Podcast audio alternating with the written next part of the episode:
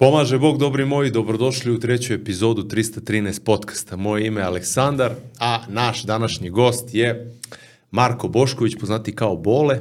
Ja sam mu dao sad ovde, napisao sam neke epitete, e, mudrac, lovac, čovjek iz naroda i online trener. Tako je. Jel se slažeš sa epitetima ili... Ps, pa dobro, to mora neko drugi da kaže. Ne Pa vidjet će oni, ja, ja sam objavio danas da dolaziš, ljudi kažu pravi gost, njega hoćemo da čujemo, nema ga nigde. E, super, drago mi je. Eto, Hvala što isto. sam došao. Lep grad, lep ambijent, pa Ništa, e, napravio sam neki, neki ovde spisak, pokazao sam ti kako to izgleda, pa ćemo vidjeti gde će da nas odveze, od, odvede, odveze ovaj razgovor. E, hoću da pitam šta ima novo, kako si završio prošlu godinu, kako živiš, kako radiš, eto, od, od tih opšta, opšta pitanja. Pa super, prošla godina uspešna što se tiče posla. Ovako ostali stvari gazi se. Dobro je. Jel čitaš nešto trenutno, to je sad popularno, znaš, šta čitaš, šta... Nešto se mučim sa Medvedgradom, pa ono, nešto, par knjiga istovremeno. Da. Je, tako ja krenem, krenem četiri knjige, pa onda čitam jednu. Ako mi ne pa drugu. zadrži pažnju, ja je pustim, pa je onda posle se vratim, pa ono, Mislim da je to, da je to ovaj, najbolje tako. Iako moja razredna koja je predavala meni književnost uvijek bila to, ni slučajno ne smeš da kreneš sledeću knjigu ako nisi pročitao ovu. Znači nije, to je bilo zabranjeno. Tako da eto, to mi nekako ostalo usađeno, ali ne poštujem to. Hoću da prođem malo s tobom, ja sam pokušao da saznam o tebi što više, nema puno informacija, ne deliš ti nešto puno, mislim, osim, hajde da kažem, tog saveta za trening, za ishranu i tako dalje, slušao sam te kod Peđe kad si gostao u njegovom podcastu, e, tvoja neka istorija sa sportom, čime si se bavio, si bodybuilding, nešto pre toga, eto, od, od, od eh, tvoje odrastanje i tvoja veza sa sportom i kako je do, došlo do toga da budeš online trener i kako si ispekao zanat, što bi rekli.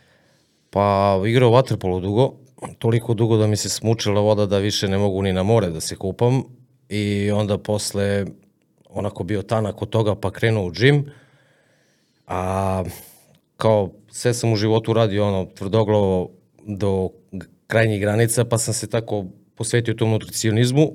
E sad, malo ima tu i a, više sile i nekog talenta da su od uvek ljudi želeli meni nešto da pričaju, gde god da se sklonim ili u ćošku negde, svako je neko hteo meni nešto da se obrati.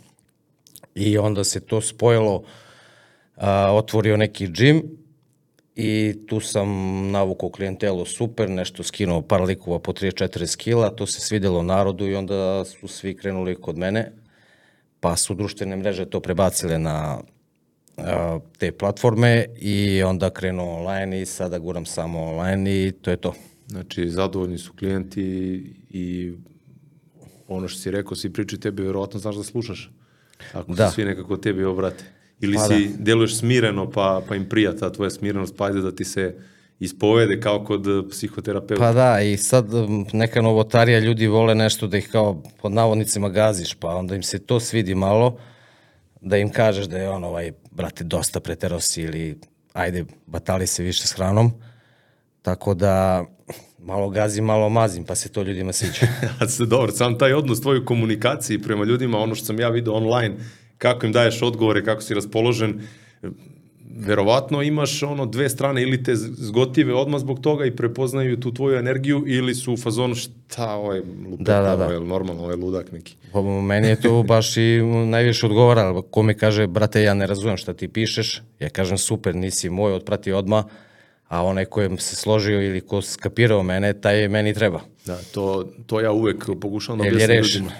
E, ne može svako da te voli, niti svako da razume ono što ti hoćeš da kažeš, niti možeš da se složiš sa svima što se tiče mnogih stvari vezano za trening i za ishranu, a da ne pričamo o drugim ovaj, životnim problemima, tako da guraj svoju priču pa će se skupiti ova neka grupa ljude koja to, koja to Ima razume da. i podržava.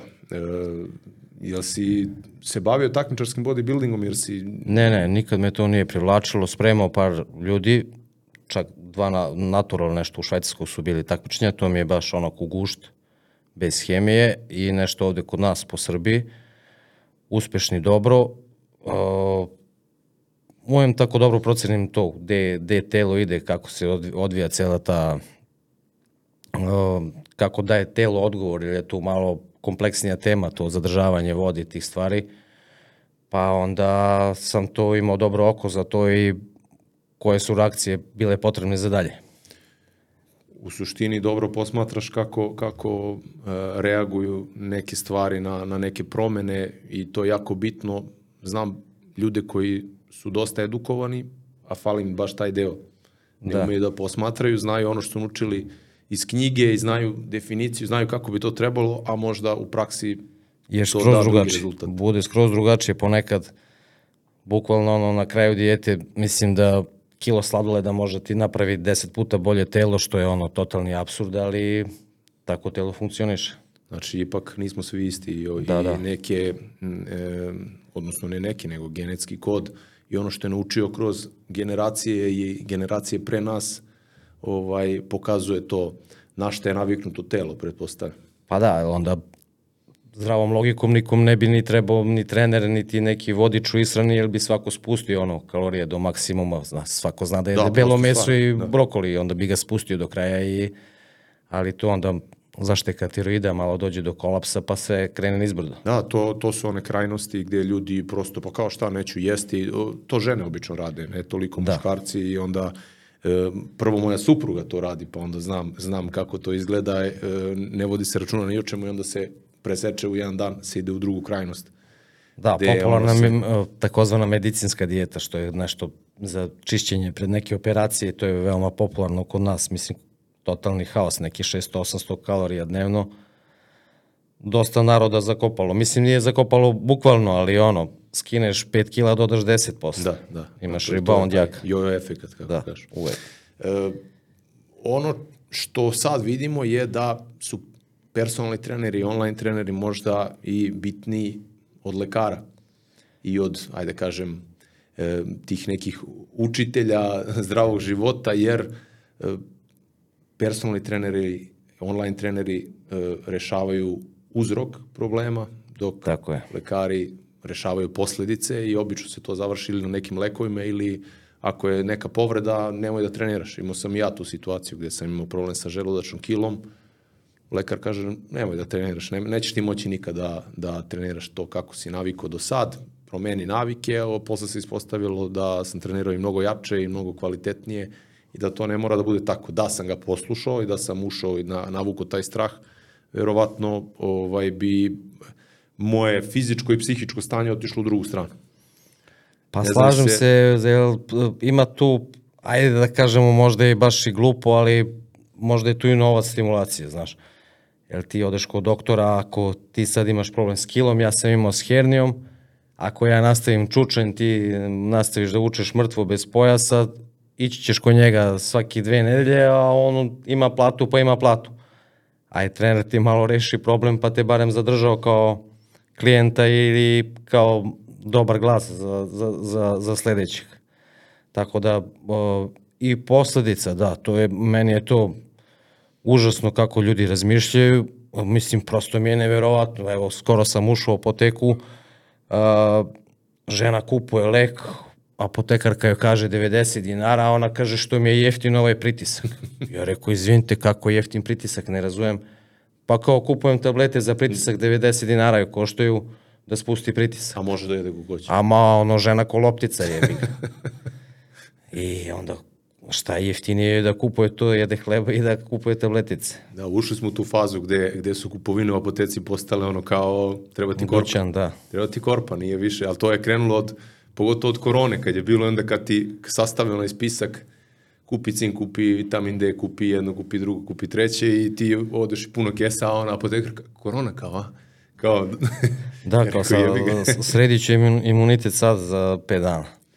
I tu veliki problem, aj kad smo se i toga zakačali, pravi e, prvo ti oblici vitamina i minerala koji nisu uopšte usvojivi za naše telo, a drugo što pravimo disbalans, ti si unao nešto u velikoj količini, odmah automatski ti pada nešto drugo, tako da za mene je bolja opcija ne uzimaj ništa ili se posveti samo tome. Pa otišlo se, opet kažem, tu u tom trenutku se otišlo u krajnost, jer kroz neke razgovore sa prijateljima, lekarima pre toga, kroz godine mog treninga uvek se povede priča o toj suplementaciji, pogotovo pre 10-15 godina kad se to tek pojavljivalo na našem tržištu, pa su oni bili, ma kakvi to, to je otrov, to ti ne treba, to je ovo, to ono, pa ja kao klinac u tom trenutku imaš problemi sa roditeljima, šta to piješ, zbog čega, Da, ne možeš da objasniš. krio proteine, brate, nije bio... Pa da, kreatin pogotovo, aj kao protein nekako možda objasniš kao šta ćeš ti kreatin, kao šta je to, zbog čega. E, I ono što su mi pričali je kao ma kakvi vitamini i minerali to ispišaš, to ovo, to ono, ima istine verovatno u nekom delu, pa do toga da kad dođeš da kupiš i tražiš vitamin D u nekoj većim dozama, oni kao, ja pitam, ili imate od 2000 jedinica, što je opet niska doza sad ka- kako smo ovaj se edukovali u poslednje vreme, oni kažu kako, kao imaš neku bolest ozbiljnu, pa ti treba ta doza. tri minuta sunčanja. Kao ne, da, ali kao 400 jedinica to je maksimum, pa smo došli do toga da je sve već sad možemo da nađemo vitamin D sa 5000 jedinica, 10.000, a opet pitanje koji oblik i koliko je, koliko je usvojen. Pa da, to smo u deficitu. Da, i on je mora rastvorljiv u mastima, bez vitamina K2 neupotrebljiv, bez dovoljnog depo magnezijuma isto je neupotrebljiv, tako da nije samo ono popio sam vitamin D i rešio sam. Ali naravno, što se tiče baš vitamina D, uvek nalaz pre, pre, pre upotrebe, znači da se ne guta onako na pamet. Na kraju krajeva uvek je sunce rešenje i izlazak u prirodu. Naravno. E, problem imamo i sa razvojem dece, odnosno mi smo propustili, ja sad upoređujem sa e, ostatkom Evrope, sa Skandinavijom, malo sam putovao i tamo pa gledam kakve su njihove navike u treningu, ishrani i tamo uđeš u teretanu i vidiš ljude od 60, 70 godina, 80 godina koji redovno treniraju i vode računa o svom zdravlju. Mi smo nažalost, zbog same situacije i na te tranzicije iz jednog sistema u drugi, zbog rata jednog, drugog, trećeg, koliko i god je bilo, propustili taj period. Prosto u tom periodu su naši roditelji razmišljali o, o egzistenciji, o preživljavanju, upao si onaj u taj mod i nisi razmišljao o tvom zdravlju, o fitnessu, o treningu. To je nekako bilo... Pa da, ali opet smo mnogo, mnogo u boljoj situaciji nego sadašnja deca sa ovim Ne, tabletima jesmo, i sa ovo. to, i onda smo već, ajde da kažem, 2000 tih i malo posle toga ušli u taj pretpostavljam da si ti u tom periodu da. otvorio teretanu i ušli u, u, u to neko razmišljanje kako raste standard, kako se olakšavaju neke životne stvari, sve više razmišljamo i što je nacija bogatija, logično da u jednom trenutku krene da, da razmišlja i o tome da živiš što duže, prosto da, da budeš što zdraviji i da živiš što kvalitetnije. E, a opet ulazimo u neki drugi problem gde, e, gdeca nemaju infrastrukturu, e, uslove, mogućnost da se razviju od malih nogu, da razviju svoje motoričke sposobnosti i druge sposobnosti, jer su nekako pod staklenim zvonom zatvoreni su u kuću, stan, e, nije su kao mi onako odrasli na ulici ili u prirodi, e, vezani su dosta za telefone, za tablete i da se ogradim, ja nemam ništa protiv toga, to je njihova budućnost i oni mora budu spremni na to, mora da prosto znaju da rukuju tim i kako to sve izgleda i šta donosi, ali treba balansirati sve to. E sad, problem se javlja od e, samo školstva i od nedostatka infrastrukture i nedovoljno, ajde da kažem, fizičke nastave, nedovoljno obrazovanih ljudi koji će ih e, naučiti od malih nogu svemu tome. I vezani smo onako ko ima sredstava da plati trenera ili neku školicu sporta, to je okej, okay, ko nema onako osuđenje na, na to jest deca su prepuštena sami sebi. I Pa vidiš, znam to se, isto se prati neki odvratan trend. Sad, i ako nisi ti u toj školici ili ako nisi sa tabletom ili ti, ti nisi pogodan u tom društvu, to je malo baš užasno. Isključete, da. A znaš kako su i mi sami, brate, lopta na travu i ceo dan si napolju. Sada toga više nema i ne znam u kom će se pravcu to odvijati, ali mislim da ništa ne ide dobro. Što se tiče, više se, e, ne znam, ovo profesionalni sport je, da kažem, više upropastio decu, jer sad svi roditelji ti koji su na nekoj margini gledaju da se izvuču iz svoje bule tako što će dete biti profesionalni sportista i onda se sve ide na to, ne ono kao da grupno svi se bave nekim sportom, nego kao da dete mi bude profesionalni teniser ili futbaler ili... Nema više igre u, u tom Da, sportu. Mi samo da ima bili- neka korist od toga, jebih. Ne, nego bilo ima trening, ne sme, mora da odmori kad završi trening, ne kakvo napolje, kakve je sad tu, ne neki drugi sport mimo toga, nema, nema te, zato je sam taj sistem i možda, ajde sad se okrećemo Americi, oni imaju infrastrukturu, ali kasnije ulaze u neke druge probleme. Oni imaju mogućnosti, a opet delo mi da ne koriste te mogućnosti. Ja sam hteo dete da upišem, starijeg sina da upišem na rvanje, nema gde, nema niko, Da, da. se ne bavi tim sportom uopšte u, u Kraljevu, a niko ne postavlja pitanje, ok, je li rvanje kvalitetan za, za razvoj deteta? Jeste. Je li olimpijski sport? Jeste.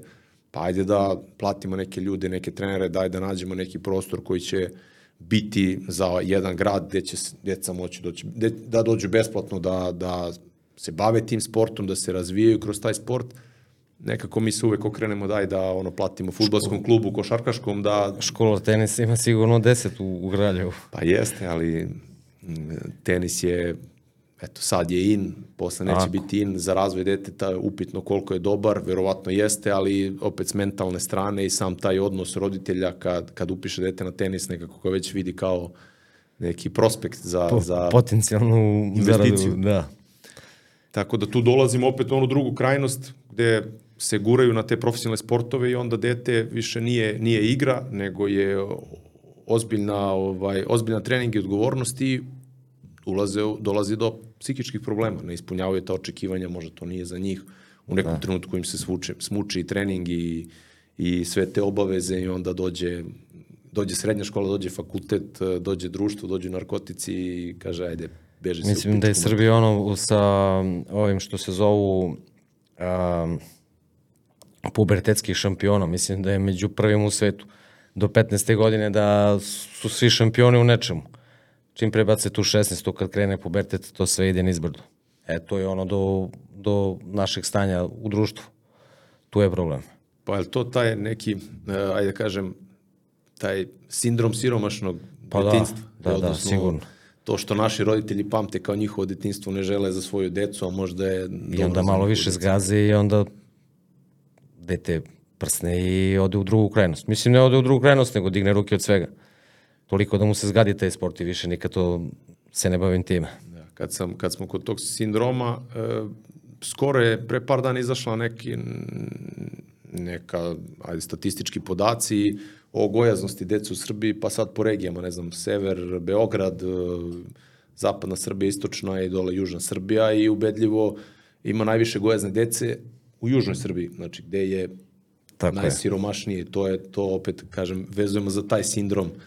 Nekako roditelji nisu imali, muče se za, za egzistenciju, za opstanak i onda daj samo nek, nek deca nisu gladna. Pa da, da, da vidiš da se nosi u kesi četiri hleba, tu znaš da je odmah propast neka. A i drugo, ostatični su, znaš, pre se, na jugu se radilo, mislim, svugde se radilo, a sad je došla ta Pa nema američka poljoprivrede. kultura hrane, a ti si, ono, zakucan si za komp ili nešto, ne, ne izlaziš napolje, ništa ne radiš. Ja mislim da su promenili čak i veličine pantalona za decu, nešto sa širim strukom, a kraće, nešto ono. Da, da.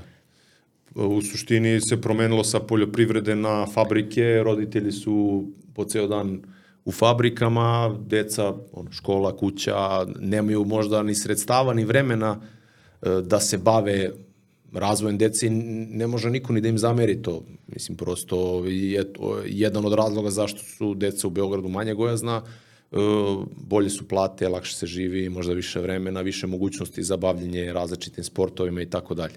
A i u modi da se baviš nekim sportom u Beogradu, inače ispadaš iz društva opet. Jeste, jeste. Ali dobro je da kažemo, to je dobra strana.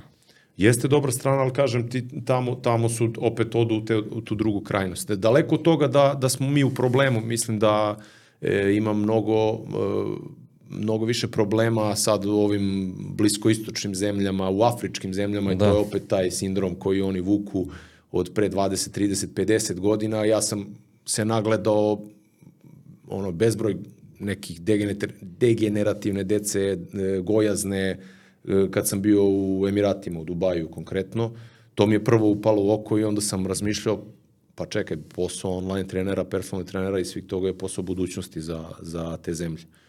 I zato ne čudi što, što su svi naši, eto, većinom tamo idu i, i ovaj, rade uspešno, koliko ja vidim. Pa da, verovatno čim se ne vraćaju ovamo. Ide to okej. pa dobro. ovo- Radio s par njih iz Dubaja. Desetak možda. Da. Tako da, e, eto, zaključili smo, znamo da su, pro, šta su problemi, ali vidiš ti neko rešenje tu, kako misliš da to može da se promeni? Ovaj, u Što se budući. tiče dece, Mislim, ja i ti ne možemo da promenimo ništa, možemo da pričamo o tome, to mora da se radi sistemski na nivou cele države i malo ozbiljnije, ali ja ne vidim da, da i kome to interesu. Pa to je sve iz, iz, iz porodice kreće, znači malo, malo više posvete deci. Svi kažu nemamo vremena, znaš, radimo, a da pogledaš svakom telefon na društvenim mrežama je 7-8 sati dnevno. To de facto meni prvo. Tako da S porodicom ja, nije, a uvole detetu laptop ili tablet ili mobilni i onda se vrte te igrice i to, mislim, baš je strašno stanje za dečiji mozak, te promene slike i toga, znaš, u sekundi. A što se tiče zdravlja dece, bukvalno samo su ti dve stvari potrebne, a to su zdravi zubi i disanje na nos što se tiče deteta. Znači, ako ti dete ima zdrave zube, ima zdrav mozak, ako diše na nos, nema alergena u hrani, ako, da isključimo devijaciju kao mehanički kvar. Da. I znači da su mu crevna flora kako treba, jetra kako treba, eto, eto starta za razmišljanje. Da, Zdravi zubi, disanje na nos. Da, kod, kod, kod mojih sinova, ajde da kažem, odgoj jednog i drugog je identičan. Mislim, ne, ne, ne, nismo ih mi podelili, pa sad jedan ima telefon, drugi nema, jedan je na sport, drugi nije. Uh, I mislim da se tu genetika pokazala kao totalno dva različita, znači gvozden je krupni, ajde nije gojazan, ali uh, statični, nema tu motoriku, više voli telefon dok je Vukan, skroz suprotnost, onako vižljast, mršav, aktivan, ali on je po ceo dan aktivan i, i u stanu, a ne ono da je napolju. Tako da mislim da i tu dosta igra, igra ulogu pa da, i, ime, i imena sam im dao kako u, po karakteru. Pa da, kao da. Jeste, jeste. Pa eto, to nije bio tako plan, ali tako, tako ispalo na kraju. E, rekao si, to jest, znamo da ovaj, bez zdravog tela nema zdravog duha, a opet, hoću da te pitam da li je i taj, ta edukacija taj intelekt, sve to što imamo uzelo da onako ovaj, nismo fizički spremni. U, u kom smislu fizički spremni? Pa ako smo, ajde da kažem, gojazni, neaktivni, da li, da li koristimo naš pun potencijal i, i mentalno? A to, ako... pa to nikako, jer ti se uspavljaš čim si um, overweight, ti si, što kažu, zajeđeni, onda si lenj. I onda ti je smr mrzovolja ti kreće, pa ti kreće depra, pa ti svakakvi problemi ti se javljaju od, od tela. Tako da prvo, prvo moje pravilo je ne pitaj me za bolesti dok nemaš ritam od 40 dana. Znaš, imam problem sa štitnom, imam problem sa insulinom, loše spavam, budim se rano, ležem kasno i um, imam panike, imam aneksioznosti, prvo 40 dana ritma, pa mi se javi za 40 dana, ako i dalje to tako, ajde, naći ćemo problem. U, udakle vuče problem, ali uglavnom 99% se ljudi posle ne javi. Jer kad ti uritmiš svoje telo da ga hraniš hranom, daš mu odmor i sve što mu je potrebno, odmah ti se razbistri glava i sve je lakše. Obično, mislim, to je ono što, što je iskustvo ljudi koji su služili vojni rok. Ja, nažalost, nisam. Ne znam ti, jel si... Jesam. Obično kažu onaj... I služio sam ga baš zbog ovakve situacije, sam znao da će doći do ovoga. Znaš, ti moš kažeš, brate, ja sam milioner, ja kažem, ja sam, nisam ja sam milioner, ja sam, ja sam služio vojsku, ili ako dva milionera pričaju, ovo je služio, ovo je nije. Ali da, vojska je čudo, ali tu, tu su bili neke nutricionist, nutricionistički programi o, prosečeni, znaš. I onda ko je otišao u vojsku goja, on je smršao, ko je otišao mršao, on se ugojio. Tako da se napravio neki balans. Da. Ili u zatvor, ili ko je otišao u zatvor. Pa to je već sad ima, ono, znaš, kantina, pa je lakše. Ovaj, je, taj pristup informacijama koje sad imamo, prosto, da li je to napravilo problem neki i, i uvelo nas u neke, Kako u neke ne? dubioze što se tiče zdravog života, pa sad imamo jedan Reels, drugi Reels, treći Reels, ovaj kaže, ne znam, karikira maslinovo ulje je vrhunsko, ovaj drugi kaže Otrov, hladan da. tuš, ovaj treći kaže ovo je ovako i onda ti uđeš u neki u, u, u misliš da si nešto naučio, u stvari tek onda ništa nije jasno. Da. I pa... počinješ da komplikuješ stvari umesto da, ono ko što ti rekao, jednostavnost. Pa uvek je to dizanje mulja bilo isplativo, znaš, još od kada ono bili vašari od pre 1100 godina, pa onda, znaš, čudotvorni napitak. Sve je u marketingu, tako da a, što se tiče baš ove moje branše, stvari su veoma jednostavne. Znači to unos hrane taj taj mora biti malo manji od potreba tvojih da bi mršavio, ako pričamo konkretno o mršavljenju. E sad, tu sad, e, kako da prodaš ti jednostavnost ako si ti već rekao da je to sve ono, crno na belo. I onda sad tu moraš da ili pljuješ masti, ili da si za masti, ili da si za kardiju, ili si protiv kardija. E sad je tu, a čovek je takav da sa previše informacija baguje i onda sve to ode u neku lošu stranu. Možda... E, ja sam tu da probam da tu stranu vratim, kao još par mojih kolega, na tu neku normalnost, ali teška je borba. Pa meni se to sviđa, eto, to je jedan od razloga zašto sam te pozvao da pričamo o tome. Evo ja prvi imam svoj brend suplementacije. Po nekom pravilu ja bi sad trebao da snimam svaki dan video i da pričam bajke o whey proteinu, o kreatinu, o esencijalnim aminokiselinama i tako dalje. A opet se svede na to da kad me ljudi pitaju šta ja da kupim, ja ga prvo pitam zašto ti treba. Znaš, on vide suplementaciju, misli da mu treba, a ne zna ni šta hoće da postigne. Da li da smrša, da li da nabaci mišiće, da li da prosto samo poboljša kondiciju i tako dalje i da li je nov vežbač, obično se jave klinci pa kao mršav sam hoću da se kojim prvo jedi dobro, treniraj, pa onda dodaj whey protein, pa možeš kreatin, aj ne moraš, sve zavisi. Pa da, svi teže ka tom kraćem putu, zbog tog ubrzanja informacija, sve lakše i dostupnije, pa ljudi misle da možeš preskočiti stepenike uh, i gojenja i mršavljenja i zdravlja i svega. I onda kao, e, daj popijem tableticu, znači ono, ja ispišem tekst, ono, pet strana kako da rešiš problem, on kao, a da kupim tabletu za to. Znači, to je ono... Pa lakše je nego da, guranje da trenira. Po, guranje po tepih problema. Lakše nego trening i nego Kako? fizička aktivnost. Da. I onda se sve traži, traži neki ovaj čarobni štapić da to reši i mislim da je to jedan od razloga zašto e, zbog tih informacija, zbog e, ajde da kažem, tih transformacija, promena koje gledaju na, na internetu, ljudi e, lako skliznu u onaj deo da uzmu steroide ili nešto, nešto slično tome. Imamo sad, ne znam, nisam neki preterani stručnjak, ali od SARMSA pa i drugih varijanta gde kao to nije steroid, to je ovako, to je onako i onda a sve u tabletici i sve je vrlo jednostavno i dolazimo do toga da puno uh, mladih ljudi zloupotrebljava te stvari, a nema neki pretrani efekt od toga. Na kraju opet se svede na to šta, kako, kako živi, šta jede, a ne na, na, na tu tabletu. Pa da, on to je malo opširnija tema, ali a, kraći put, znaš, ti to kako jebi ga Srbija tako, znaš, sve ono nešto ćemo preko noći. A nemam ja utisak da je to samo, da je to samo problem ovde u Srbiji, mislim da, da, da je čak i mnogo zastupljenije na zapadu i u Americi, pogotovo.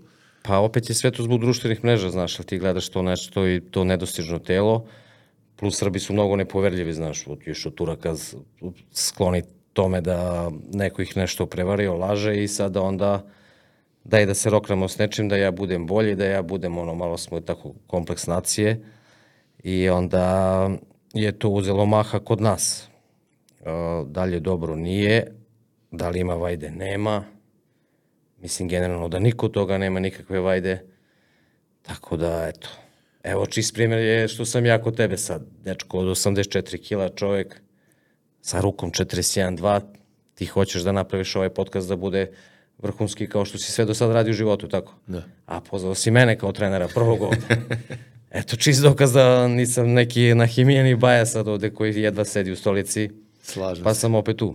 Slažem se, slažem se. Ja, eto, imam iskustva, sarađivo sam sa mnogim online trenerima, više iz radoznalosti, eto, da vidim kako to izgleda i uvek se svodi na, na to koliko sam ja spreman da radim i da, da delim informacije sa e, trenerom, to jest da li sam realan prema sebi i prema njemu, da li sam odradio trening koji mi napisao, da li sam e, poslao podatke da on može da to ovaj uklopi da pripremi za dalje i mislim da tu mnogo ljudi e, pada već u startu. Kako ti uspevaš da sarađuješ sa dugoročno sa klijentima? Pa dugoročno klijent koji je rešen, znači tu, tu je već, imam selekciju ono što smo pričali u startu, ako si me razumeo moju priču, onda si već malo, ajde sad jebi ga, kažem, većeg intelekta, nisi ono neki debil kao daj mi šta da pijem, šta da ubodem i da ja se nabildujem.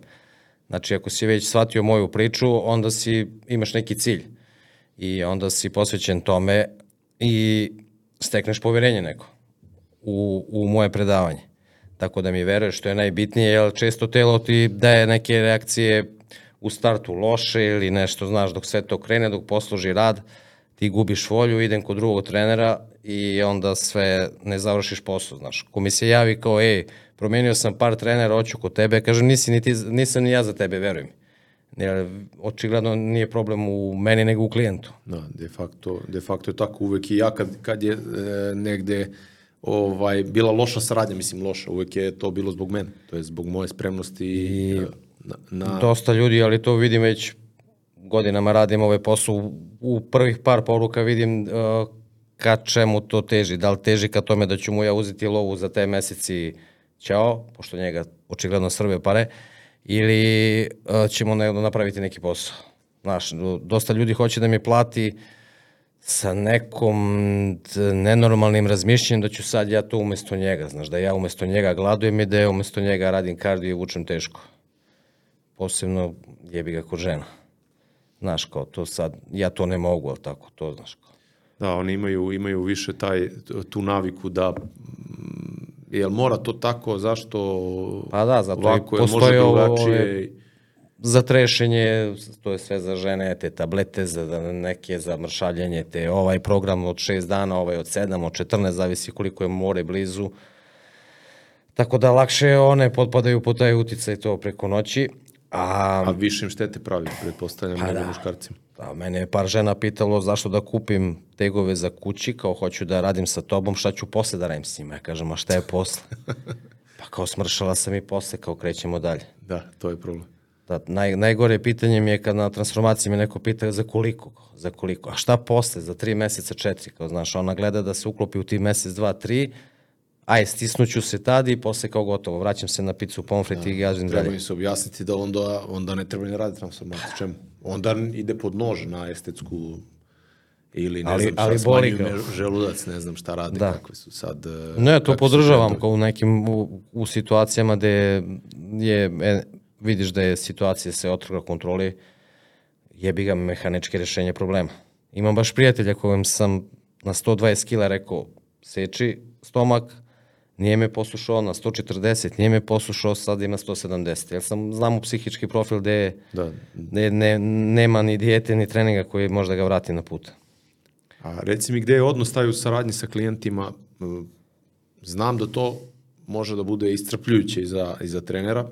On ima jednog trenera, tebi šalje sve i šta je jeo i šta je, kakav je problem imao danas i gde se postavlja ta granica i da li si ti uspio uopšte da postaviš tu granicu s tvojim klijentima i da, kako to kažu, skaliraš i da imaš veći broj klijenata. Neki su to automatizovali, neki imaju neka druga pravila, a neki, znam da uđu i oni u, u, u problem s glavom, jer konstantno im ljudi pišu, e, jel smem da jedem ovo, jel smem ovo, jel mogu da idem ovde, šta da radim, joj nisam uno danas 150 grama proteina, kako Da. ćemo sutra, šta ćemo? Pa da, to, to je više ono, savet za trenera, da. Ali oni, ja, da kažem, sahranio sam 100 trenera do sad, jer baš zbog toga šta uđe na jedno uvo mora da izađe na drugo. Ne možeš da uđeš s emocijama u tom poslu, jer onda si pregorao si za nedelju dana. Jer opet kažem, ljudi, znaš, ta bliskost na društvenim mrežama, u stvari otuđeno su od ljudi je pravi, napravila bliskost na društvenim mrežama i tako se vezuju ljudi za strance, za trenere, za psihologa, psihijatra, za ove ovo je um, Life coach, to, to i astrologija vidiš da je u nekom usponu, znaš, sve to se ljudi vezuju za neki ljudi koji su njima u životu totalno nebitni i onda kao smem da pojedem ovo, da popijem, pa samo neodgovaranje iste sekunde, znaš. da. Jer je nekom dosadno, seo pije kafu, aj pitaću trenera ovo, znaš.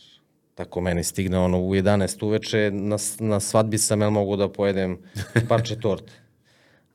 On je imao, ima svoj program planiran treninga i uh, odgovorim ujutru i svi smo okej.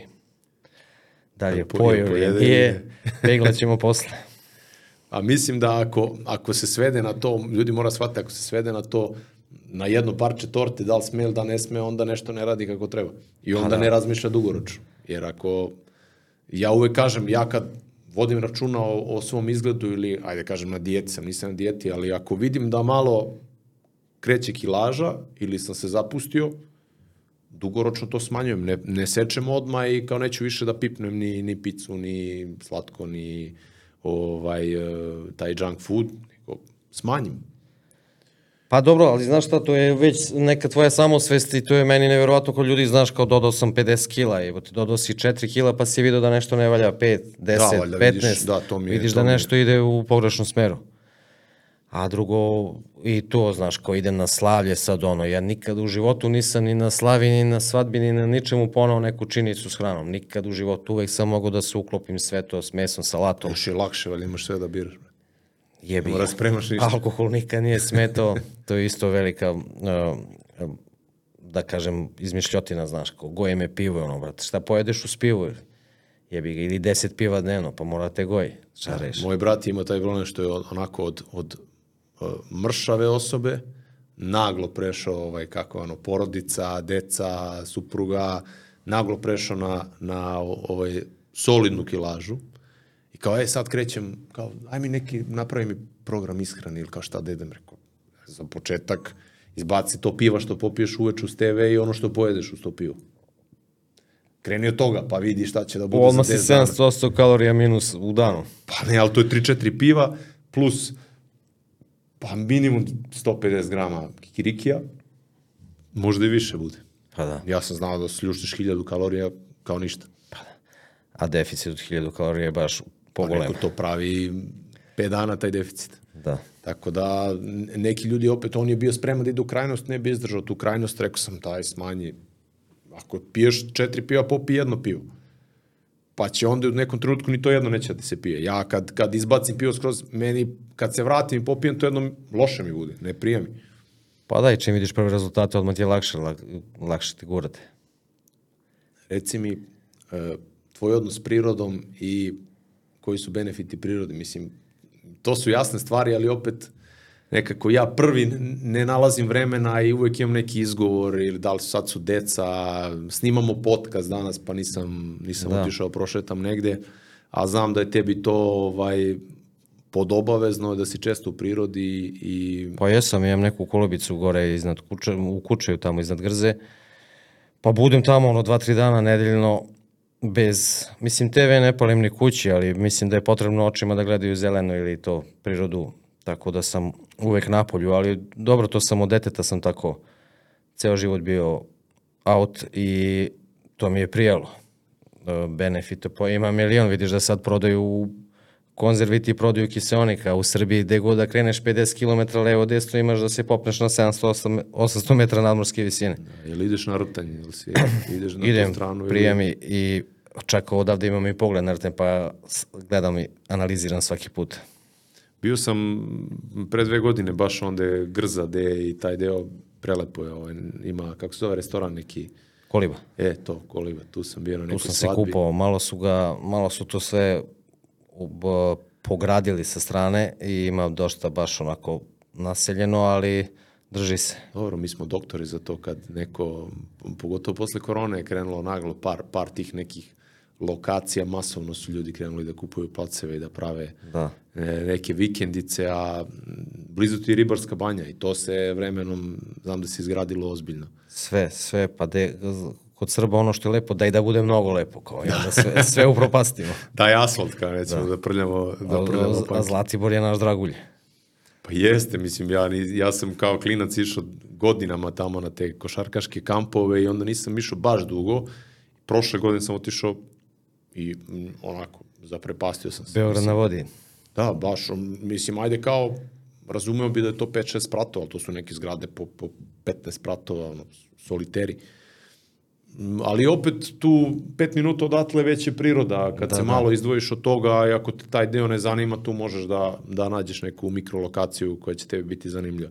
Mi imamo tu sreću što imamo porodično ovaj, mm, kuću staru iznad Ušća gore, ovaj, iznad Gokčanice, ispod Željina, tako da to je a nažalost napušteno selo, više ne živi niko, na nekih hiljadu metara, tako da gore sređujemo voćnjak, više brat nego ja, eto ja uskočim povremeno, Idealno. Ono, sadiš šljive, peče rakiju, obilazimo to, gledamo da, da ne, ne zapustimo to i Da to ne je neki zamre. ventil. Pa bilo bi šteta. Bilo bi šteta kako, kako stoje stvari, sve ćemo više da bežimo ovaj, Pa na da, te to je lokacije. spas. I dobro, ovaj online posao je malo dao tu mogućnost, ali opet je tu nova zamka, jer sad ti si kao u prirodi, a gledaš ono, u, u ekranu. da, gledaš ono Pa 10 evo, već sati. se razmatra kako, da, kako internet da, da rešimo, kao nemamo internet. Jevi. Pa je da, skoro mi je pričao baš u Grzi nek, neki deo ima bez interneta i prijatelj kao hoće da izdaje, da izdaje vikendicu. Da, da. Ali kaže, nemam, nemam internet, kako ću? Ja kažem, pa gde ćeš bolje reklame? brate? Dođite kod mene bez interneta, de, de, de deca moraju da vam se igraju, znači nema druge opcije, deca moraju da vam se igraju s loptom, nema, nema da gledaju tablet. Ovaj, kako si ti proveo ono vreme za korone? Znači, samo priroda i... E, pravo da ti kažem, ja sam tada izbjegavao prirodu, ali je bila puna šuma ljudi, brate. Da. I onda sam bio više kući, pa malo tamo, ali preživelo se. A reci mi Inovacije. lov i to, re- jel te, za tebe lov, uh, ajde da kažem, zabava, sport, uh, rekreacija ili, zabava. ili nekako uh, neki ventil i, i neki način da ajde se još više sjediniš s prirodom, iako to možda zvuči ljudima čudno, pričali smo malo pre ajde, te krajnosti u, i u lovu i zbog tih krajnosti ljudi su stvorili lošu sliku i lošu percepciju o lovu i o Pa je, lovcima. jeste loša slika, znaš šta je meni fascinantno? Često dobijem te pogrdne komentare na, na to moje, mislim ja i ne objavljujem to, mislim nešto i ne i da ulovim nešto često, ali o, to kao kako možeš, mi- meni je veći absurd da ti sed, stojiš u marketu i rolaš Instagram dok ti mesar seče but od, od, od juneta. Ja ga pitam, ali je tebi to normalno? Ne, kao ja nisam oduzo život, ne razumem a šta si pojao Da. neko to drugi uradio za tebe i sad ono, ti si kao pošten, ja nisam. Mislim, to isto, pa urođeno je to, to je meni srast, to o, i- zajedništvo, to skupljanje ujutru, to znaš, zanimljivo je. Pa to, to je opet nek, neš, nije ni zanat, ali to je nešto praistorijski, taj gen Pa da. učemo od, od postanka. Skupljanje, to druženje i o, šta se ulovi, to se uvek pojede, tako je neko pravilo.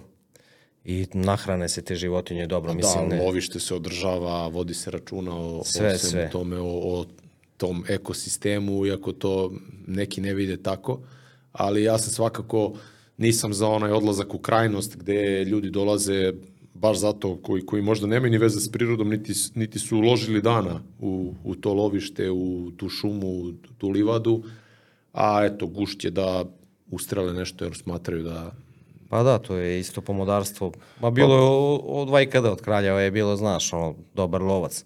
Samo što sad za novac možda budeš dobar lovac preko noći. Da, nema više, ajde da kažem, taj viteški lov gde ti ovaj, imaš pušku i nemaš ne znam kakvu opremu, mora da pešačiš e, 20 dosta da, da, da. bi, da bi i na kraju možda da ne uloviš ništa i onda to ima, ima neki svoj smisao, neku svoju draž. A onaj deo gde, pogotovo i ovaj odlazak na safari, gde ti kupiš pušku ozbiljnu s optikom, dovezu te ono kao, kao debila Da, do, kao do da ispred životinje i to je to.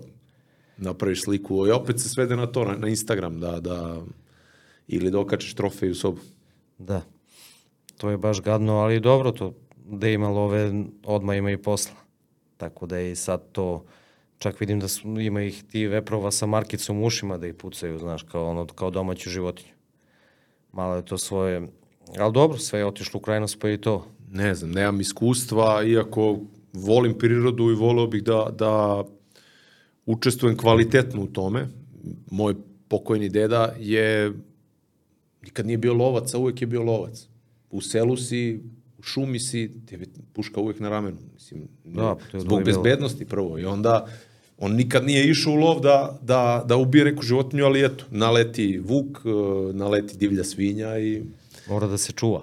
Pa jeste, ali to, to jeste tako i mislim da kako smo se povukli u gradove da je ono sad uh, uh, se ta e, taj ekosistem opet obnovio i već se vratili medvedi, vratile se divlje svinje, prave ozbiljnu, ozbiljnu štetu, to više nije, nije šal. Pa dobro, sad ova kuga ih malo deset kovala, barem u mom kraju, tako da... Ovamo Eto, nema, prošle nema godine- žive duše, ovamo nema ni, ni, ni domaćih svinja da, da, negde, Nema, da da. negde pokupe, tako da ovaj, o, ozbiljan haos. Ono, jednom su iskopali, imali smo neki sistem za navod, ovaj, kap po kap. Su iščupale sve one cevi, ono, kako, kako, gliste. da, da, kako je onako mekana, znači sve su raskopali, tako da morat ćemo da, da. ograđujemo. E, jednostavnost e, teži normalnosti, to si izjavio na, na nekom prethodnom uh, Reelsu kad si se kupao u hladnoj vodi. Pa da, svi jure neku tu autentičnost i to, tako da malo samo kažem sad da neko ko je jednostavan i normalan bit će najupečatljiviji. Tako da sam želao samo to, to je dok sam se kupao u ovom hladnom jezeru, pritom nisam ni savjetovao ljude da se kupaju, niti da se ne kupaju, već da rade ono po svom osjećaju, šta misle da je dobro za njih. E, to je ono što smo rekli, e, problem je u stvari u komplikacijama i u... Da, u previše informacija. Da, a možda to, mislim, možda neke stvari imaju smisla za e, neka druga podneblja i neka druga mesta gde su ljudi naviknuti na to. Znaš, kad kažu sad za... Uvek slušam tu priču kako odgajaju malu decu, ne znam, u Skandinaviji, pa ono, znaš, kao oni beba samo što se rodi, oni je gurnu napolje, na kako odgajaju kod nas i sam taj, ja onda objašnjam ljudima, pa da, ali koliko dece je ovde umrlo od gladi, od, od bolesti, onda prosto je taj strah za, za, za samo to dete, za, za njegov, za da preživi, nekako imaš us, usađen taj strah i uvek je daj da mu bude što toplije, da ga nahranimo, da, da ga sačuvamo, da, da se ne razboli i tako dalje i onda prosto ti te stvari ne možeš da promeniš e, e, za pet godina i da se prebaci, e, sad je Pa da, to ne može se prebaci još 50 godina, jer baba, deda još su oni ratovali ljudi, brat. Znaju šta je glad, znaju šta je muka. Pa onda samo dete da je rumeno, ako je rumeno, onda je zdravo. Da, i taj odnos, ono, kroz razgovor sa, sa mojom babom i s dedom i šta su oni e, pregurali i kak, od kakvog života su sad došli do ovog komfora, mislim, to je, to je nezamislivo. Njima je bilo nezamislivo u tom trenutku da će, da će biti u tom u tom Pa i ovaj, meni je nezamislivo što sam ono, imam 40 godina, kamo li njima.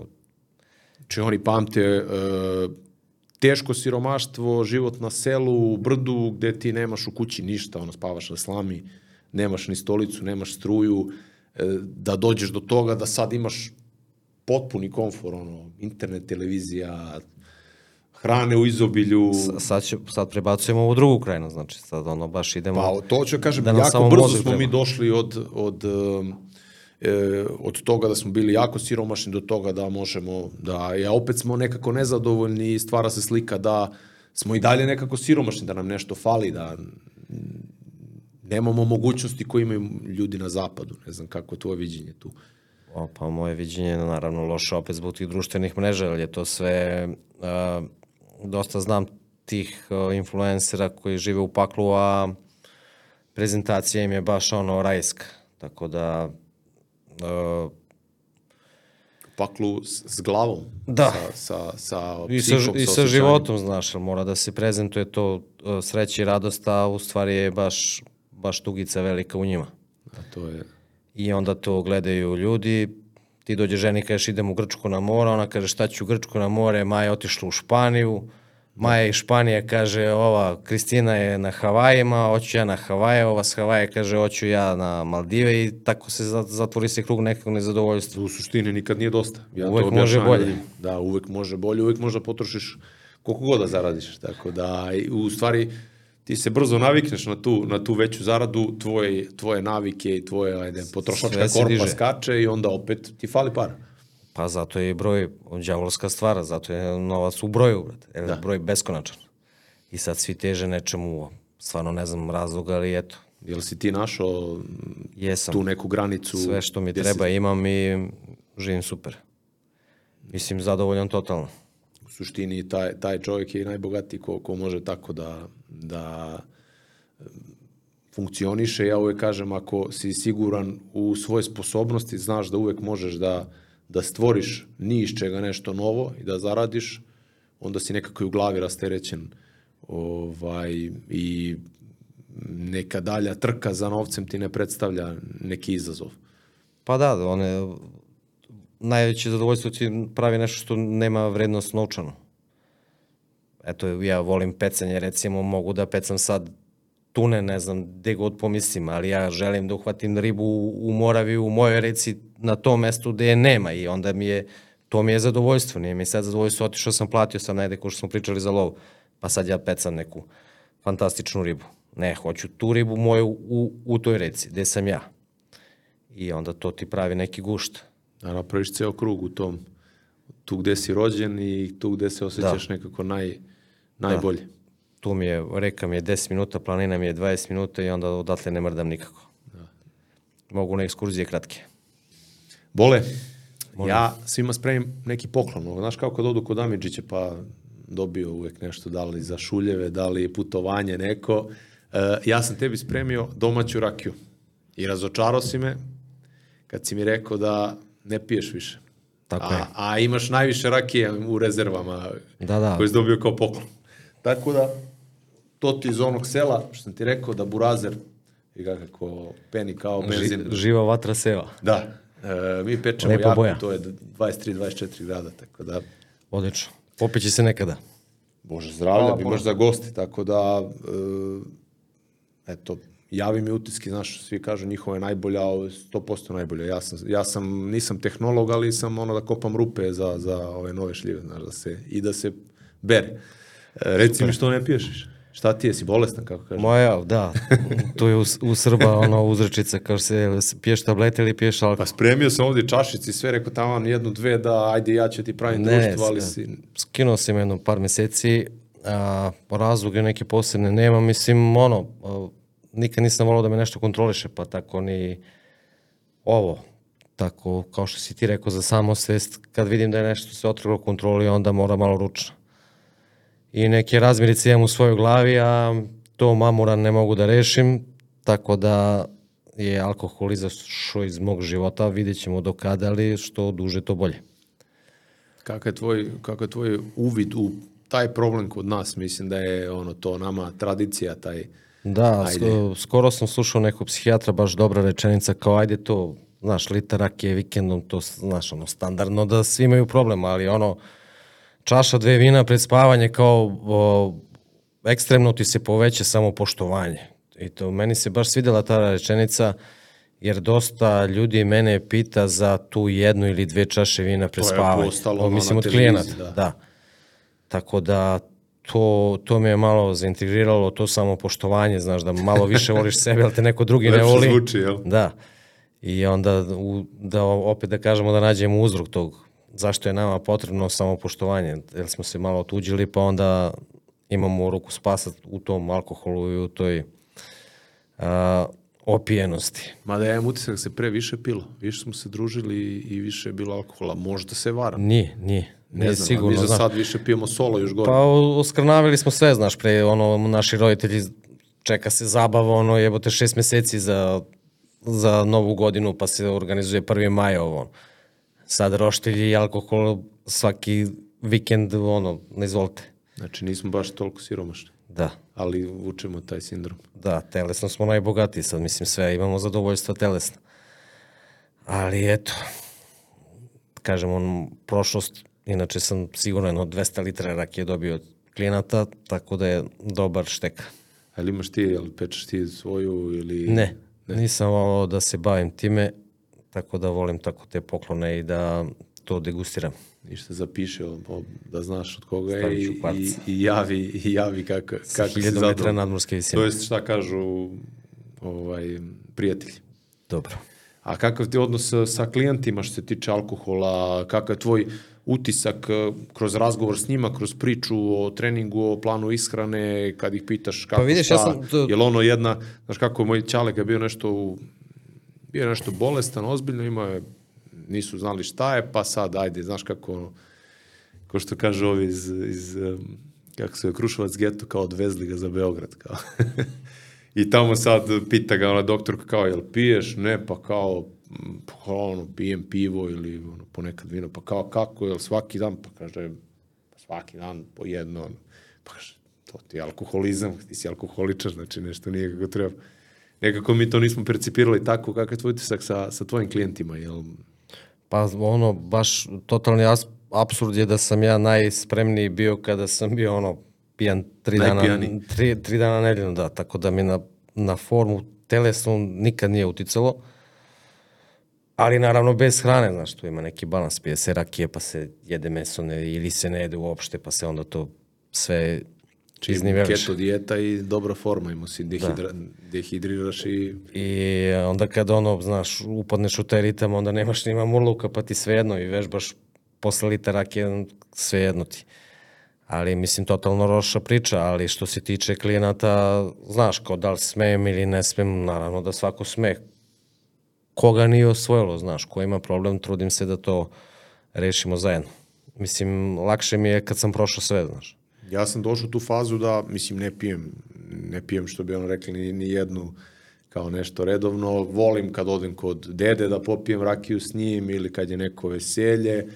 Možda se dva, tri puta godišnje ono baš malo žešće napijem, to je žestina, ali e, izbegavam zato što mi kvari onda par dana, ja, ja to bolujem onda par dana, ne osjećam Ja, se dok, dobro, ne dok mogu da murluka, dobro je. ne mogu da treniram, ne mogu da, da, da funkcionišem normalno i odmah razmišljam ono, odrazit će mi se na trening, onda se nerviram zato što nisam trenirao lepo, što mi je teško i bolje kontrolisano. A opet znam, znao sam da idem u krajnost kad sam, kad sam bio mlađi, jer onda trpi organizam sve. E, možeš da ne spavaš celu noć, možeš da piješ, možeš da ono, legneš u pet ujutru, spavaš do, do podne i onda mogu i na trening i što ti kažeš nisam, nisam imao problem, ali sad kako sam stari, Ako bolje. ozbiljno boluje. Pa eto, što ti kažeš, s dedom ja da odem tako i popijem jedno, ja bi se ulešio s dedom ono po flašu i onda bi ga čačkao da slušam priče da bi pokupio nešto zanimljivo za pisanje, jel tako to?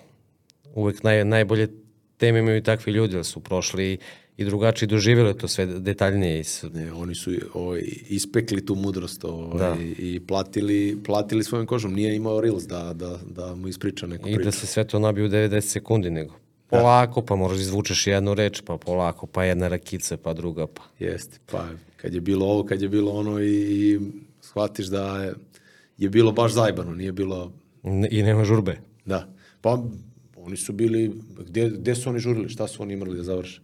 Prosto priroda je uređivala taj njihov ritam, nisu bili vezani za neki imaginarni svet ili neki posao koji nije bio vezan za prirodne prilike, za prirodu. Nema, nema on tamo berzu ili ne znam šta, pa to radi non stop ili društvene mreže, sve funkcioniše non stop, nema stajanja. Tad prosto, kad je mrak je mrak, može, možda piješ samo. Viša sila određivala, da. Nisi mogao ni, ni, u, ni u boji kad je mrak, nego aj sad čekamo da svane pa ćemo, pa ćemo se bijemo, da se tučemo. Po dogovoru. Pa da, pa. to je uvijek bilo čudno, kao šta se kako ono, nema, vrate, dogovor tad je i spremamo se za to, pa šta bude. E, druga tema, to jest, ne znam koja je ovo tema sad koje, koje smo se dotakli, ali e, rekli smo da nećemo pričamo o, ajde, steroidima, o toj priči koja je verovatno mnoge ne zanima, znamo da nije ništa dobro i znamo štetna dejstva, ali hoće se dotaknem profesionalnog sporta i e, tog dopinga u profesionalnom sportu koji mi možda i ne vidimo i ono š, kompletnu štetnost profesionalnog sporta i celo tog show biznisa koji je napravljen od, ajde kažem, klađenja pa do svih drugih e, sfera gde imamo i nerealne očekivanja, gde nema više te fair borbe i fair odnosa, nego se sve, pa do toga da, ajde, kao, trgujemo sportistima među državama, pa nema ni ono da li je Srbin bolje, da li nije, brate, sad je, znaš, papir ti određuje da li si Pa Srbin, da, ne. bo- lepo si rekao show biznis. Sport je zanimljiv jer ima to ograničenje rezultata i tih, znaš, brojčano i ima ogromnu publiku. I onda se uh, ono, dajte krvi i igara, kako se kaže ono. Da, hleba i igara. Hleba i igara i ljudi žele krv, znači što više, što više to da napreduje tako kako to moramo da povećamo pe- performanse, fizički. E sad šta je, jeste ogroman problem, ali te performanse su u svim branšama zastupljene koje nisu primetne uopšte, mislim kome se ne posvećuje pažnja. Mislim da u dopingu ima i doktora i arhitekata i pravnika i ekonomista i znaš, ti se sad pitaš kako taj biznismen tako to sve barata, kako spava 3 sata dnevno, kako sve to stiže. Kome je to cilj, razumeš, da bude milioner i onda posle vidiš da je on bio na, ili na onim modofalinu ili kako se već zove ili na nečem drugom. I tako da je koliko nam je dopingovano telo, toliko je sad dopingovana i svest.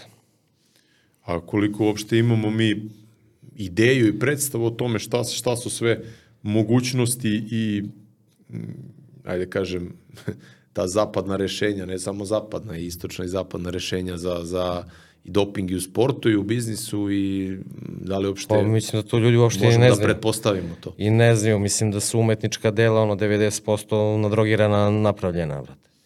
A oni 10% si pod šizofrenijom ili pod nekom jakom depresijom, tako da si faktički i nadrogirao svoj mozak prirodnim putem. Tako da mislim da je ono, što kaže onaj na YouTube-u, ceo svet je laž, ali mislim da je to pimpovanje svesti koje je ispratilo i telo, da je to ono što ljudi žele, jebika. Mi, to je naša, da kažem, inteligencija, pustovanje te inteligencije.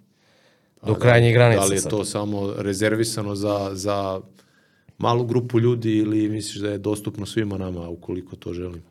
Pa zavisi ono, ako si debil, ti si debil na dopingu, a... Samo pojača. Da. To je od uvijek bilo tako.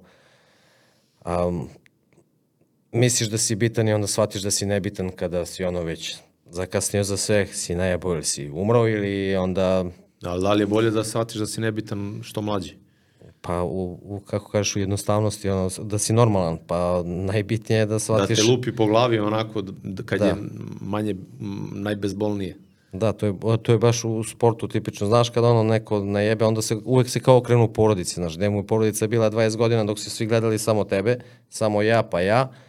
I onda najebe nešto je kao ja, ja moja porodica, posvetio sam se sve ono porodici, znaš, ali mora prvo upozorenje. Tako da ono, opet samo svest da je čovek realan svojih i ciljeva i želja i da ka tome teži. A misliš da si izgubila ta, aj kažem, fair, fair play ili ta neka viteška borba i ta jednakost u sportu koja je u suštini podigla sport na, na na, na to gde jeste i da bude svetski popularan, jer se tu bilo ono, znaš, David protiv Golijata, neko ko je nebitan, možda i nema pa da. to mo mogo da pobedi, mogo da osvoji, dođe iz neke nebitne zemlje, male zemlje, pa smo i mi tako se ovaj E, dizali naš ego sa, sa ovaj, raznoraznim pobedama i to možda u onom periodu kad je nama bilo najteže ovaj, da. sa, posle rata jednog, e, pre drugog, pa posle, znam, ono, 95. evropsko prvenstvo u košarci, Da, mi smo Pa zaboravimo i ne vidimo šta se desi posle Oluja, protirivanje iz krajine, pa onda opet posle borba, obradovanja opet osvojimo nešto i nekako zamaskiramo te, genetski te probleme. smo nešto predodređeni za te grupne sportove, baš i u tome smo jaki. Razlog ne znam, verovatno neko pleme smo dobro, da ne idemo sad u istoriju, ali to ima deset varijanti. Tako da verovatno ima tog inata i tog eto vidiš šveđani i norvežani u sportu ne postoje, a, a svi se bave sportom od rođenja da, do, do smrti. Da, uslovi, uslovi neverovatni za, za Ali opet nemaju to što imamo mi. Tako da je to opet najjači doping. Dobro, još uvek može da se da se znači Tako je. pobedi bez i bez ovaj ajde da kažem finansija i infrastrukture i svega i ozbiljne da, države. Da, sve manje i manje, ali više nema... Ali mislim da na individualnom zna. sportu teško. Da. Sve teže.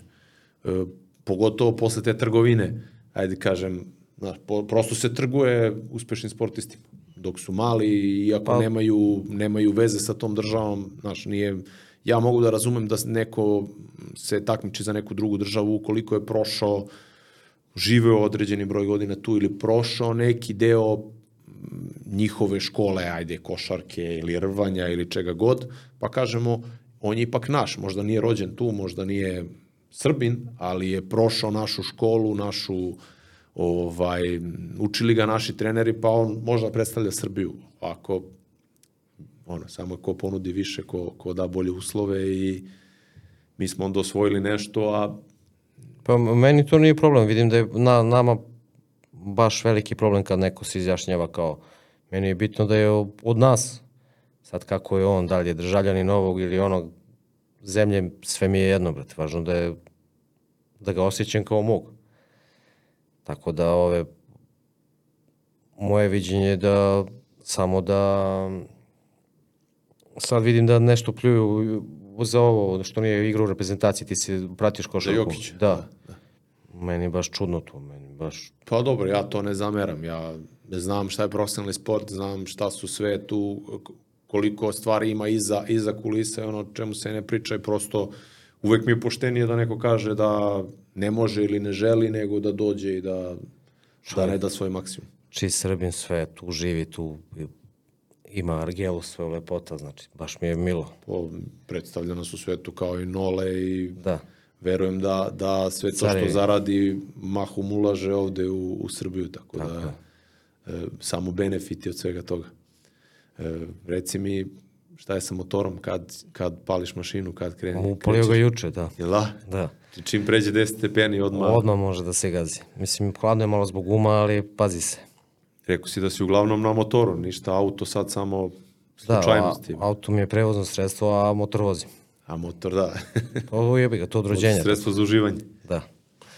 Od rođenja ceo život, mislim, ono, kad sam prohodao samo motor i tako Jel, da. putuješ negde dalje ili to je ono po lokalu samo, je više... Pa, malo sam napravio totalno nepraktičan motor, ali mi se tako sviđa onaj Harley kao bober, ono, spušten bez amortizera, pa odem... Kako to zovu, Coffee Racer, kako ne Po, znam neki. pa ne, Coffee Racer je ovo za piju kafe po Beogradu, to Bober valjda tako zovu nešto, ono nisko, znaš, sve retro. I odem do mora tako jednom godišnje, ono baš najebem tri dana posle oporavaka od te vožnje, ali kad se vozim auto gledam na sat, a na motoru kad sam nikad ne pogledam na sat. Znači, proleti vreme, a Da, obiđu se drumski kafane usput i svašta se čuje. Pa ništa. To kad bi snimao malo više za, za YouTube, možda bude, da bude zanimljivo.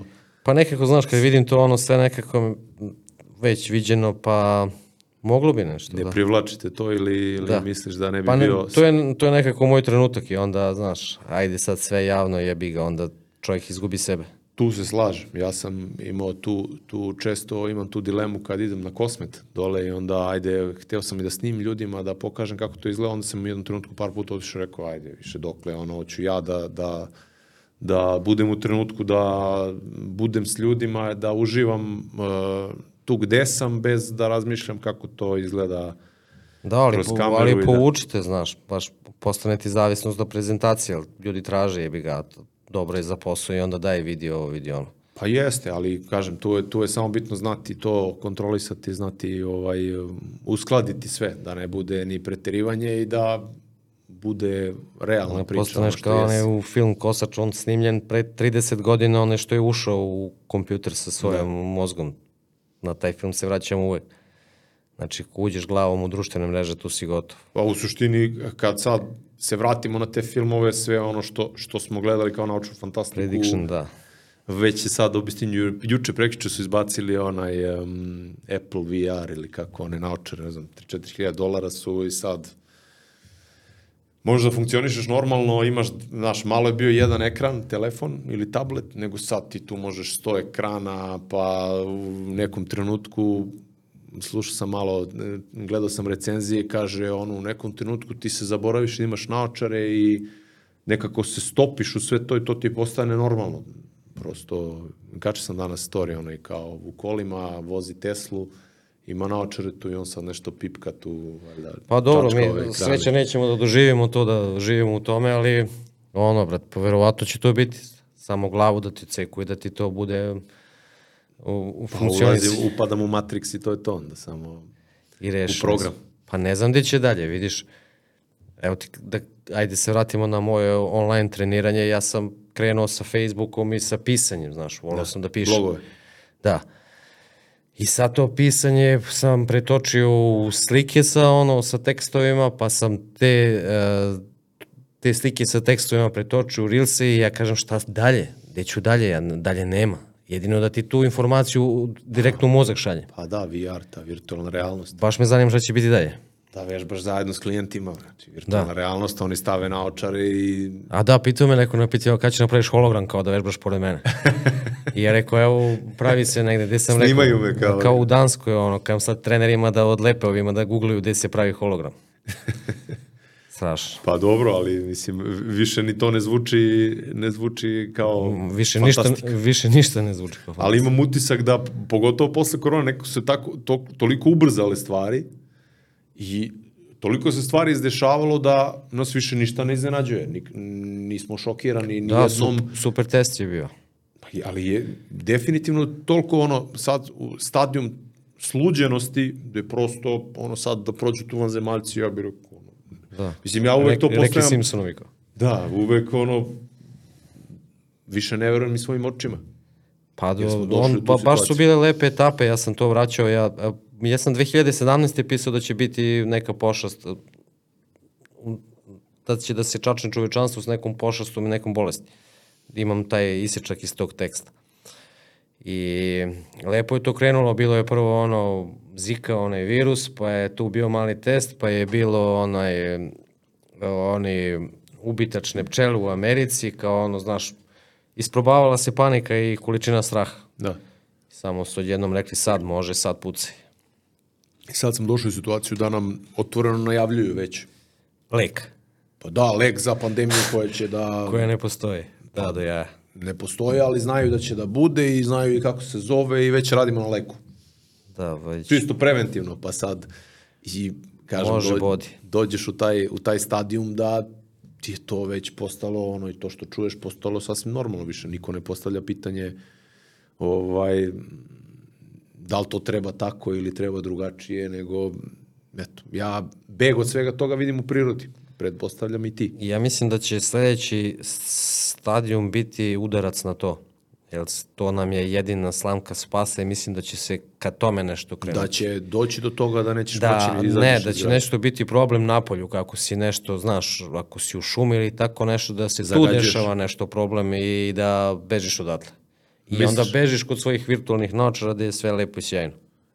Pa ne znam, mislim, Na- sad na- ulazimo kao te teorije zavere, ali daleko Na su to mi toga, smrdi. to je kao 15-minutni grad, ono da ti je sve tu i da ne izlažiš od, iz tog Na to je, mikrookruženja. jel je to da kažeš još ta slamka spasa, samo to, znaš, kao pobegao sam u šumu, pijem ono, ja imam svoj izvor gde pijem vodu, znaš, sad ako mi to uzmeš gotovo. Ja se nadam da ćemo moći da pobegnemo i da, Mi da hoćemo, a uživamo za naše dalje ne znam. Pa da, ali definitivno će, ili će izmisliti nešto, da, strah neki, nemoj da ideš tamo, poješćete, ukrašćete, kanibali, vanzemaljci, životinje, šta god i Da, da, nešto ima. ne znam, vidjet ćemo, vidjet ćemo šta je rešenje. Ništa, kad ćeš da me zoveš da vidim tu kolibu? Možeš kad dođe, tamo živim, brate? Da, a, znači nisi u, u Paraćinu, nego baš tamo. Jesam, u Paraćinu sam, tamo su mi psi, jebi ga, da izvinjavam se, jel? psi keva, tu su mi, svi su moji tamo, a ovo mi na 20 minuta, šta? Ti u Beogradu ideš 20 minuta do posla, gde god da živiš, minimum. Tako da mi je skoknem tamo, skoknem gore, dole, uvek mi je lako. A kako vidiš to da, da smo došli u stadijuma da prosto su svi pobegli u grad? Meni što zbog ja- posla, što zbog uh, Jebi ga, idem tamo komfora. često zbog, pa ajde da kažem, i zadovoljstva nekih drugih stvari, ali meni je ono neverovatno. Meni stvarno, meni ono ne ulazi u glavu. Priča za Beograd. Da, da ja sat vremena idem do posle, da se vraćam, da me ne... Da ti ljudi misle da će ono kad sediš u pelenama i gledaš u plafon sa 60-70 godina, da ti neko kaže, brate, ti si 10 godina bio u autu, mislim, koja to para vredi, ne znam. Meni je ono nejasno. Ne, nema, nema tih para, ne znam, 2, 3, 5 hiljada evra, koja plata. Nema tih para za, za, za onu muku. To je ono što ja pričam ljudima, iako, mislim, imamo gde da budemo u Beogradu, možda i zbog posla ima smisla, ali meni to, taj osjećaj kad ja izađem ovde iz firme i za pet minuta sam kući ili u teretani, nema cenu.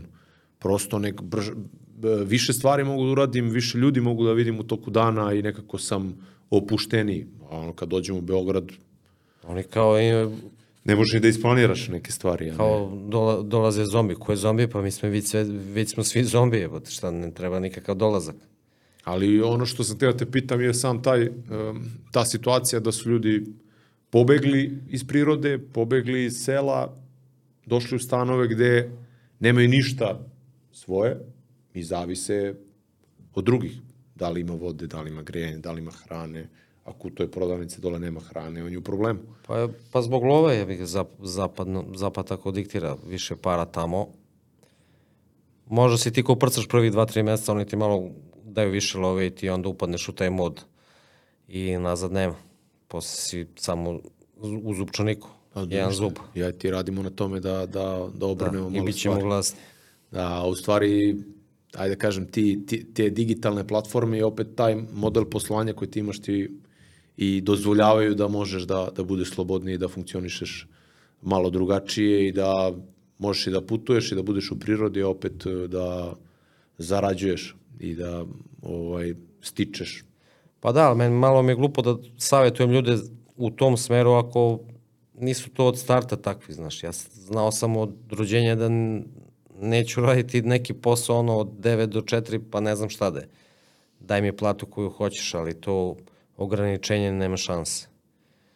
Tako da sam, jebi ga, takav sam rođen.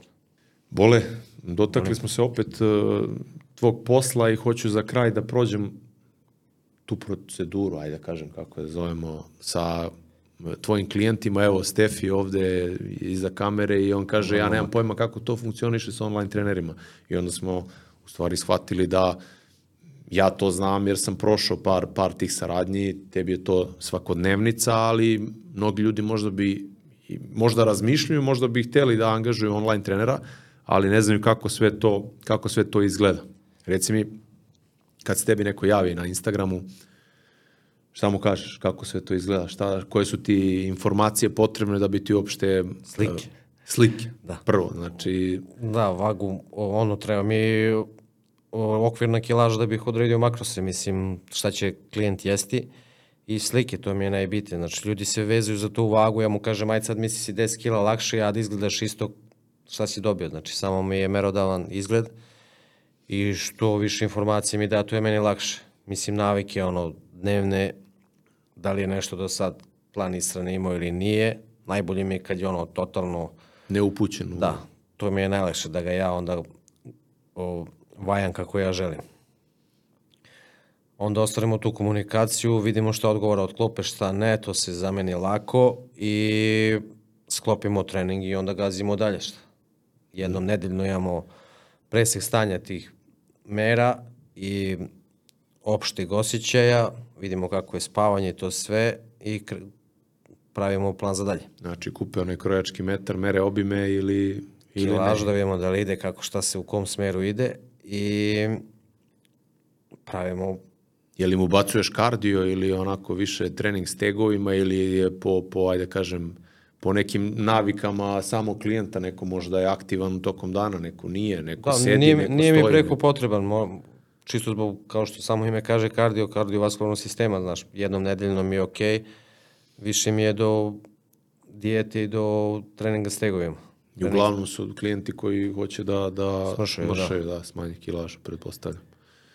Jer radiš sa nekim pro profesionalcima, ajde da kažem, neko ko se možda takmiči u to sam- bodybuildingu ili je u nekom profesionalnom sportu, Ne, to sam o, odustao, mislim nisam odustao, nego sam se batalio tih stvari, baš zbog, o, a komplikovano je to, mislim odlače mi puno vremena, mogu da sredim pet klijenata dok se mlatim s jednim. Ima ljudi koji to rade bolje od mene. Pa dobro, u suštini to je specifična strana i to košta više na kraju krajeva, veću odgovornost povlači, Da, kroz inat, to time se bave ljudi koji nemaju, znaš, te o, sredstava za takve stvari kod nas, ali eto, iz nekog inata, opet to je jedan od najskupljih sportova, mislim, za to.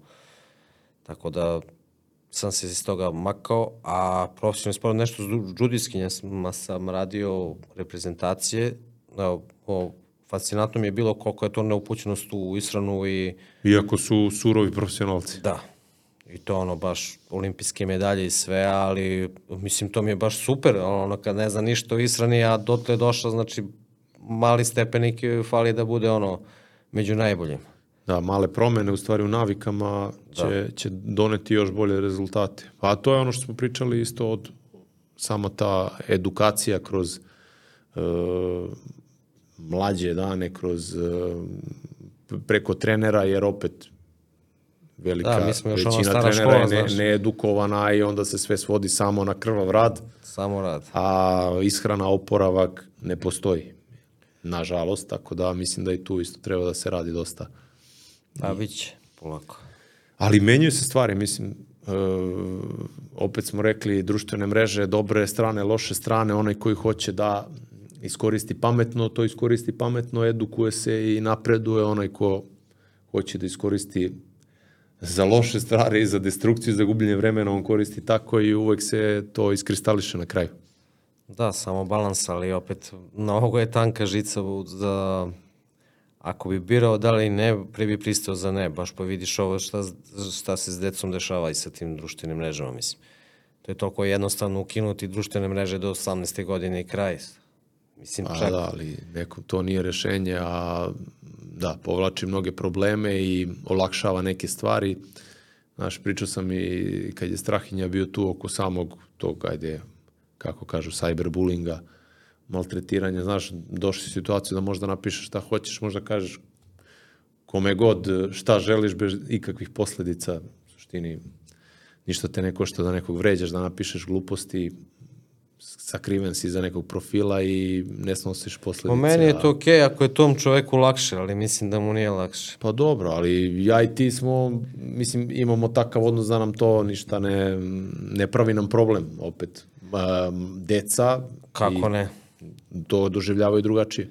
I što je to sve postalo javno, znaš, to što se preradilo, to je bilo u tom odeljenju, znaju to 10-15 ljudi, pa se Tako je, to... tako. ono- Promeniš odeljenje, nestanu problemi, a sad uh, možeš da ideš na kraj sveta, ostalo je digitalno zapisano. Transparentno je sve i onda je tu baš problem. Ništa, to ćemo da, da pričamo ovaj, kad dođeš neki drugi put, možda budeš i ovaj, Ko dede. da, kod dede. to bi bilo dobro. ovaj, hoću ti se zahvalim što si bio moj gost. Hoću vama da kažem da smo sad i na ovim ostalim platformama mimo YouTube-a, tako da možete da slušate. Ja i Bola nismo nešto preterano lepi, ovaj, tako da možete pustite u autu ili dok trenirate ili dok radite kardio. Ima na Spotify-u, na Apple podcastu, na Deezeru. Vidjet ćemo gde će još biti potrebe da, da se uključimo. Hvala vam na pažnji, ostavite mi dobro. Bole, Hvala na pozivu. hvala ti. Vidimo se. Sve najbolje. Ćao.